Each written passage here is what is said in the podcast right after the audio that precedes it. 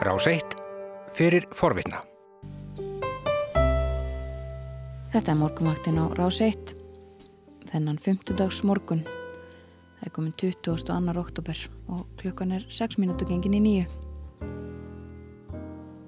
Og á þessum tíma dags eh, á 50 dagum setjumst við við heimsklukkan og því er engin undantekning í dag. Góðan daginn Bói Ákusson.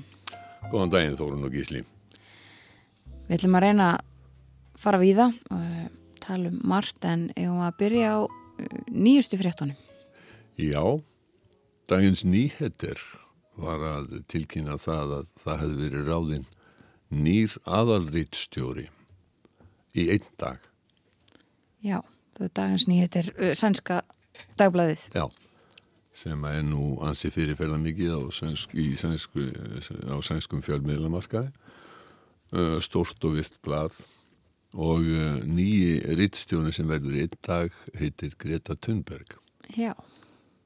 Og þetta kemur í, til í framhald að því að hún hefur verið að gaggrína fjölmiðla mjög fyrir að fjall ekki nægilega mikið um hverju smál og uh, hún var bóðinn til þess að flytja fyrirlestur fyrir rittstjórnina og svona í framhald að því að þá kviknaði þessi hugmynd á rittstjórninni og uh, hún, uh, hún þáði það að verða rittstjóri í einn dag. Og það verður einhvern tíman í desember og uh, hann aðal, þinn venjuli aðal rittstjóri sem er Pítur Volordaski hann hafði sambandið Greta Thunberg og, og spurði hana hvort hann væri ekki alveg til í þetta.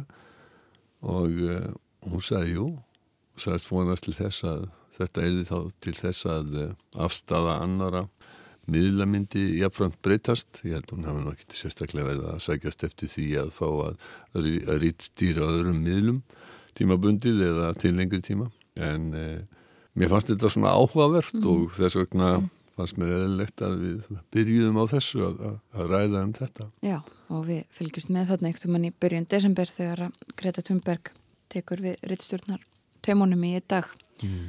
sjáum hva, hverju það breytir En e, þá að næsta máli við ætlum að ræða um eh, stöðuna í Fraklandi eða við, við gerðum það raunar í gær með Torfa Túlinius profesor uh, í kjálfar þessara, þessa hróttalega morðs á uh, frönskum kennara og í gerðkvöldi var haldinn minningaratöfn um hann Samuel Paty.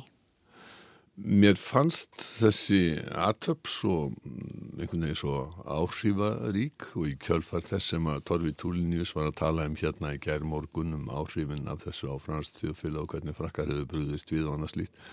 Og fannst mér eiginlega sjálfsagt og eðlegt að lefa hlustendum á rása reitt að fá nokkur hljóðdæmi af þessari atöp sem var bísna áhrifamikil og, og ég kann nú enga fransku, ég hef aldrei lært fransku en það er svona að þú heyrir það er svona ákveðin alltíð orð og ákveðin, ákveðin hluti sem að, sem að, sem að skilur í, í, í, í ræðum þegar að sérstaklega þegar hægt og fallega er talað eins og Emmanuel Macron fraklandsfórseti gerur nú oft.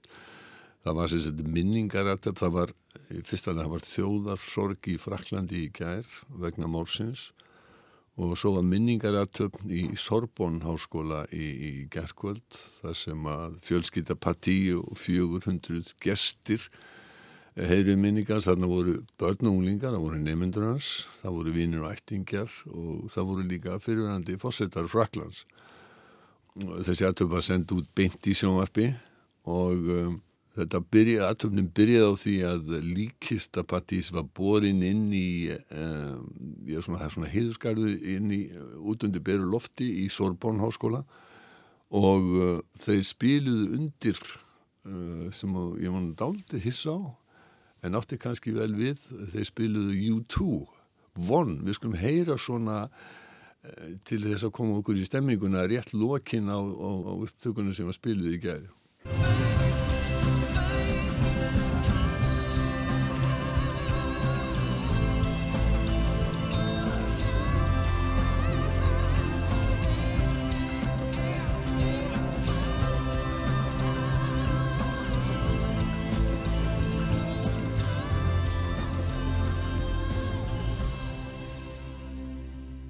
Þarna flutti einn af nefendum Patís uh, hluta á ljóði eftir Albert Camus sem heitir til kennara míns.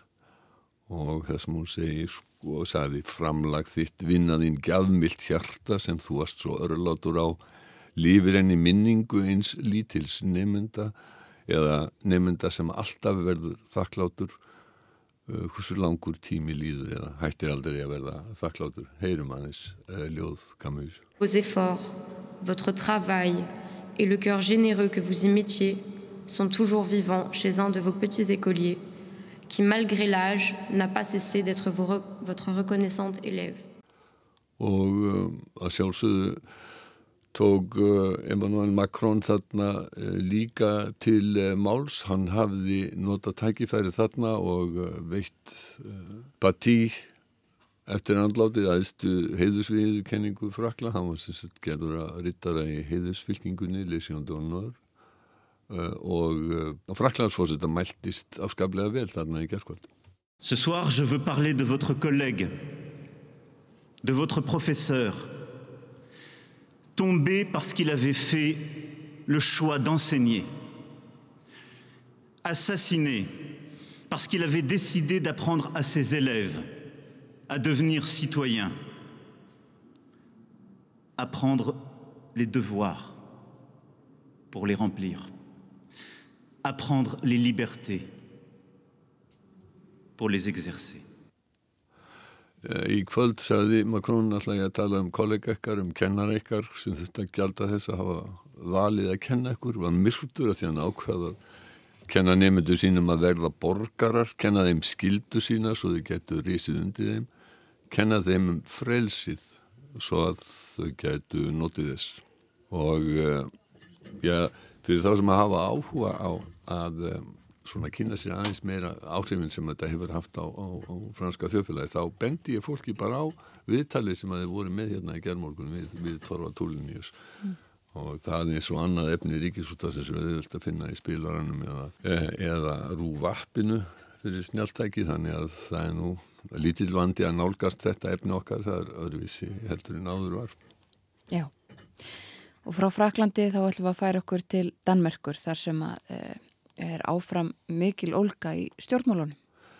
Já, það er þessi önnur bylgja MeToo eða kannski fyrsta bylgjan í Danmarku MeToo hafði verulega mikil áhrif viðan um heim, en kannski minni í Danmarku heldur en á, í mörgum öðrum löndum en núna þá er svo sem, virðist svo sem að Danir hafi vaknað upp af værum svefni hvað varðar samskipti kynjana, hvað varðar kynferðislega áreitni og ofbeldi.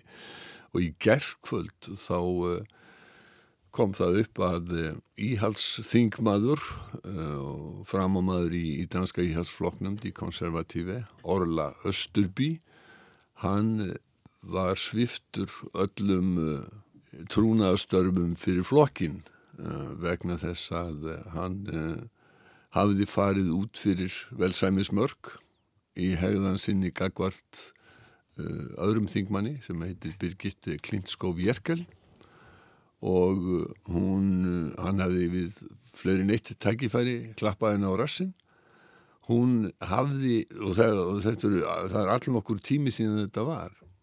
Það máli komst upp núna út af því að það farði að kanna allt fjölmjölur að kanna þetta og þá sást að hún hafði talað um þetta ofinbellega og það hafði hún sagt að uh, flokksfélagi hennar hefði gert þetta í, í, í hérna, oftar en einu sinni og uh, þetta var kannski viðtölum fyrir 2-3 árum sem vöktu enga aðtigli en núna var hringt í hann og sagt við hann að við vitum að þetta er Orla Östubí og uh, þegar að uh, svo var komið að þá hafði hún samband við flokksfórustuna og uh, let hann að vita að þessu mm. og þar var brúðist við með þeim hætti að, að hann var sviftur öllum trúnaðastörfum í flokknum og hann er náttúrulega þriðji málsmeitandi daninn í stjórnmálastjött sem, sem að verður að hverfa. Það er Morten Östegård sem að var leiðtói radikali venstri sem eins og ég þreytist ekki á að segja þegar ég tala um þann flokk eða hvorki rótæk og nýja vinstri sinnaður heldur þetta miðjuflokkur sem að hefur nú ráðið miklu í dönskum stjórnmálum oft umfram uh, svona það vægi, það, það vægi sem að hann hefur, já, hvaða vægi sem hann fær og ræður hvort hefur verið að hægri en vinstri stjórn. Uh, en uh, síðan var það Frank Jensen borgarstjóri Kaupmannahafnar og var að forma jafnagamannaflokksinn sem er stærsti flokkur Danmarkur og Jensen var í frambóði til formelsku minni með árið 2005 tapaði þá fyrir Helli Tóning Smith en hefur verið einn af helstu leiðtúum jafnagarmanna í, í langan tíma. Nú er hann bara hættur í pólitík hættur og farin, sést ekki meir kannski á þetta eftir að eiga það eftir að verða fleiri e, danski stjórnmálamenn sem að e, þurfa að taka bókansinn þegar er verið að grafa upp allt núna. Dálítið seint en þeir eru að þessu núna. Já og þetta mál svona eitt af stærsta minnstakosti í dönskum, dönsku þjóðlifi þessa dagana og maður sér það í öllum dönskum fjölmjölum Já, það er íðulega sem að það er spurningum það hvort það eru koronaveiran eða uh, MeToo-bylgjan í Danmarku sem eru fyrstu fréttir uh, í dönskum fjölmjölum. Já, eigum við að verja síðustu mínutunum okkar hérna í bandaríkanum? Já, það náttúrulega verður að gera og eins og því það eru að gera núna að beina augunum að Nassvill, þar sem að uh, setni kappræður fórsetta frambjóðundan að verða í kvöld að uh, þá uh, er það nú alveg þessi virði að verja nokkur myndum í bandarísku fórsettarkostningarnar. Það eru margi sem að segja að, að það hafi aldrei verið mikilvægari kostningar heldur en nefnitt nú. Þetta er nú sagt oft en uh, núna er það margi sem meina og ég hugsa að það sé nú oft sem að margi meini það að það sé aldrei mikilvægari en, en sumi segja sko við þólum fjögur ára af stjórn Trumps við átta ár munu endanlega ganga frá já, líðræðinu segja sumir og hefðum og kurtissi og mannarsýðum í bandarísku stjórnmálum segja aðrir og uh, stöndismenn Trumps segja væntanlega að, að það þurfi fjögur ári viðbútt til þess að gera þær breytingar á samfélaginu sem að uh, þeir vilji. Sko, bandarísk stjórnmáli eru þannig að auðvitað vita það náttúrulega langt flestir hlustendur heimsklugans að það er ekki, fórsetin er ekki kosin beint, það eru kostnir kjörmenn í hverju ríki og þeir síðan kjósa uh, fórsetan og fjöldi kjörmanna fer eftir mannfjölda uh, í hverju ríki, þannig er Kalifornia með lang flesta kjörmenn og síðan er uh, uh Washington, höfuborgin Washington með þrjá. Þetta sístem leiði til þess að það, það getur komið upp svo staða að maður í kjörum fórseti bandaríkjana án þess að hafa meiri hluta atkvæða og það gerðist 2016 eh, það voru þrjár miljónir fleiri sem að kussu Hillary Clinton heldur en kussu Donald Trump mm. við náttúrulega búum í ríki þar sem að atkvæðisrættur er ekki jafn þannig að við ættum ekki að setja okkur á mjög háan hest eh, gagvart þessu en auðvitað verður að segjast eins og er að það hlýtur að vera eitt af grundvallar atriðum líðræðis að, að alveg svo hver maður á að vera jafn fyrir lögum og þá hlýtur hver maður að þurfa að vera jafn þegar hann kemur í kjörklefan. Þannig er það hvorki á Íslandi nýja í bandaríkanum. Þetta leiti til þess 2016 að Donald Trump er kjörinn. Síðast, þetta hefur ekki gæst mjög oft í bandaríkanum, fjórum, fimm sinnum held ég eitthvað sliðis að hann gerðist, hefur gæst tvíslar á þessari öld eða árið 2000 þannig að spurning var, var 21. öldin búin þá eða var það ennþá 20. Í það minnst að þá hefur þetta gæst tvísar. Al Gore fekk fleiri atkvæði. Það munið ekki eins miklu þar munið einhverju hálfur í miljón atkvæða sem hann fekk umfram uh, George Bush yngri. Mm -hmm. Og þá fór það fyrir domstóla og, og já, útlitt fyrir að það geti uh, gerst núna líka. Já, það er hugsanlegt að gerist. Það er nú ansið mikill munur í skoðanakönnum en þá þó hann hafi aðeins minkað núna um, og Trump hefur aðeins bætt, í, bætt við sig. Ekki, Joe Biden er ekki lengur með e, yfir 10% mun, hann er komin undir 10% munurinn á landsvísu en aðal, það sem að skiptir aðalmáli er við vita þessi líkil ríki í lang flestum ríkjum eða ekki langt flestum, í mjög mörgum og mjög stórum ríkum er úslitin eiginlega ráðin fyrirfram þannig að það er örugt málað að Biden getur gengið að því vísu að hann vinni í Kalifornia, hann vinni í New York. Uh, og Trump getur gengið að því vísu að hann vinni í Louisiana, Tennessee, Kentucky og uh, norður og söðu Dakota og ymsum öðrum ríkjum hann er að úslitin ráðast í ríkjum og réðust síðast í ríkjum eins og Michigan, Pennsylvania uh, og núna er Georgia líka í uh, spurning hvora með ríkjar Georgia lendir í, í þessum tilfelli. En það sem að gerist síðan núna í gær er að Pennsylvania er eitt af líkilríkjónum Biden hefur umtalsveit fórskott en það þykir þeim ekki nóg. Trump var þar í fyrrakvöld uh, og demokrater reyttu fram uh, sko stóru sleggjuna í gæri í fyrsta skipti sem að Barack Obama fyrirhandi fórseti tók þátt. Við skulum heyra að þetta var dátir skemmtilegu fundur, þetta var fundur svona eins og bílabíó fólk áhörundur voru, voru í bílum þannig að maður gæti hirt svona og göblum eins og þetta í fótbottaleikur í, í Vestmanni, svona bílaflöyt þegar þeir vildu taka undir eitthvað eins og Vestmanninga flöyta þegar það skora mark. Við allavega gerðu hér í, í gamla daga. Heyrum í Barack Obama. I get that this president wants full credit for the economy he inherited and zero blame for the pandemic that he ignored. But you know what, the job doesn't work that way Tweeting at the television doesn't fix things. Þarna var hann að skammast út í uh, fósitann Donald Trump og segja hann uh, vildi, uh, já hann þakkaði sjálfum sér efnahags batan sem að helt áfram í hans tíð já. og Obama var náttúrulega að vísa til þess að, að það var hagvöxtur og atvinnuleysi mingaði, það jógst atvinna áðurinn að Donald Trump tók við og uh, það hefur, það helt áfram alveg þánga til að koronaviru faraldurinn skall á. Þannig að uh, Obama var nú að minna á það að þetta væri ekki eitthvað sem að Trump, þetta væri ekki Trump að þakka. Nei. en uh, Obama er góður ræðamaður og hann er miklu betur ræðamaður heldur en bæði Biden og Donald Trump. Uh, Donald Trump veður svona oft úr einu í annað en uh, þetta er vel skipulega og flott uppbyggt. Við skulum heyra þetta aldrei langan kapla núna uh, 35-40 sekundar af því sem Barack Obama saði í Philadelphia í gerðskvöld Philadelphia, I'm asking you to remember what this country can be. What it's like when we treat each other with respect and dignity what it's like when our elected officials actually behave responsibly. I'm asking you to believe in Joe's ability, in Kamala's ability to lead this country out of these dark times and help us build it back better. Because we can't abandon those who are hurting right now. We can't abandon the children who aren't getting the education they need right now. We can't abandon those protesters who inspired us. We've got to channel their activism into action. We can't just imagine a better future. We've got to fight for it. Við verðum að berjast.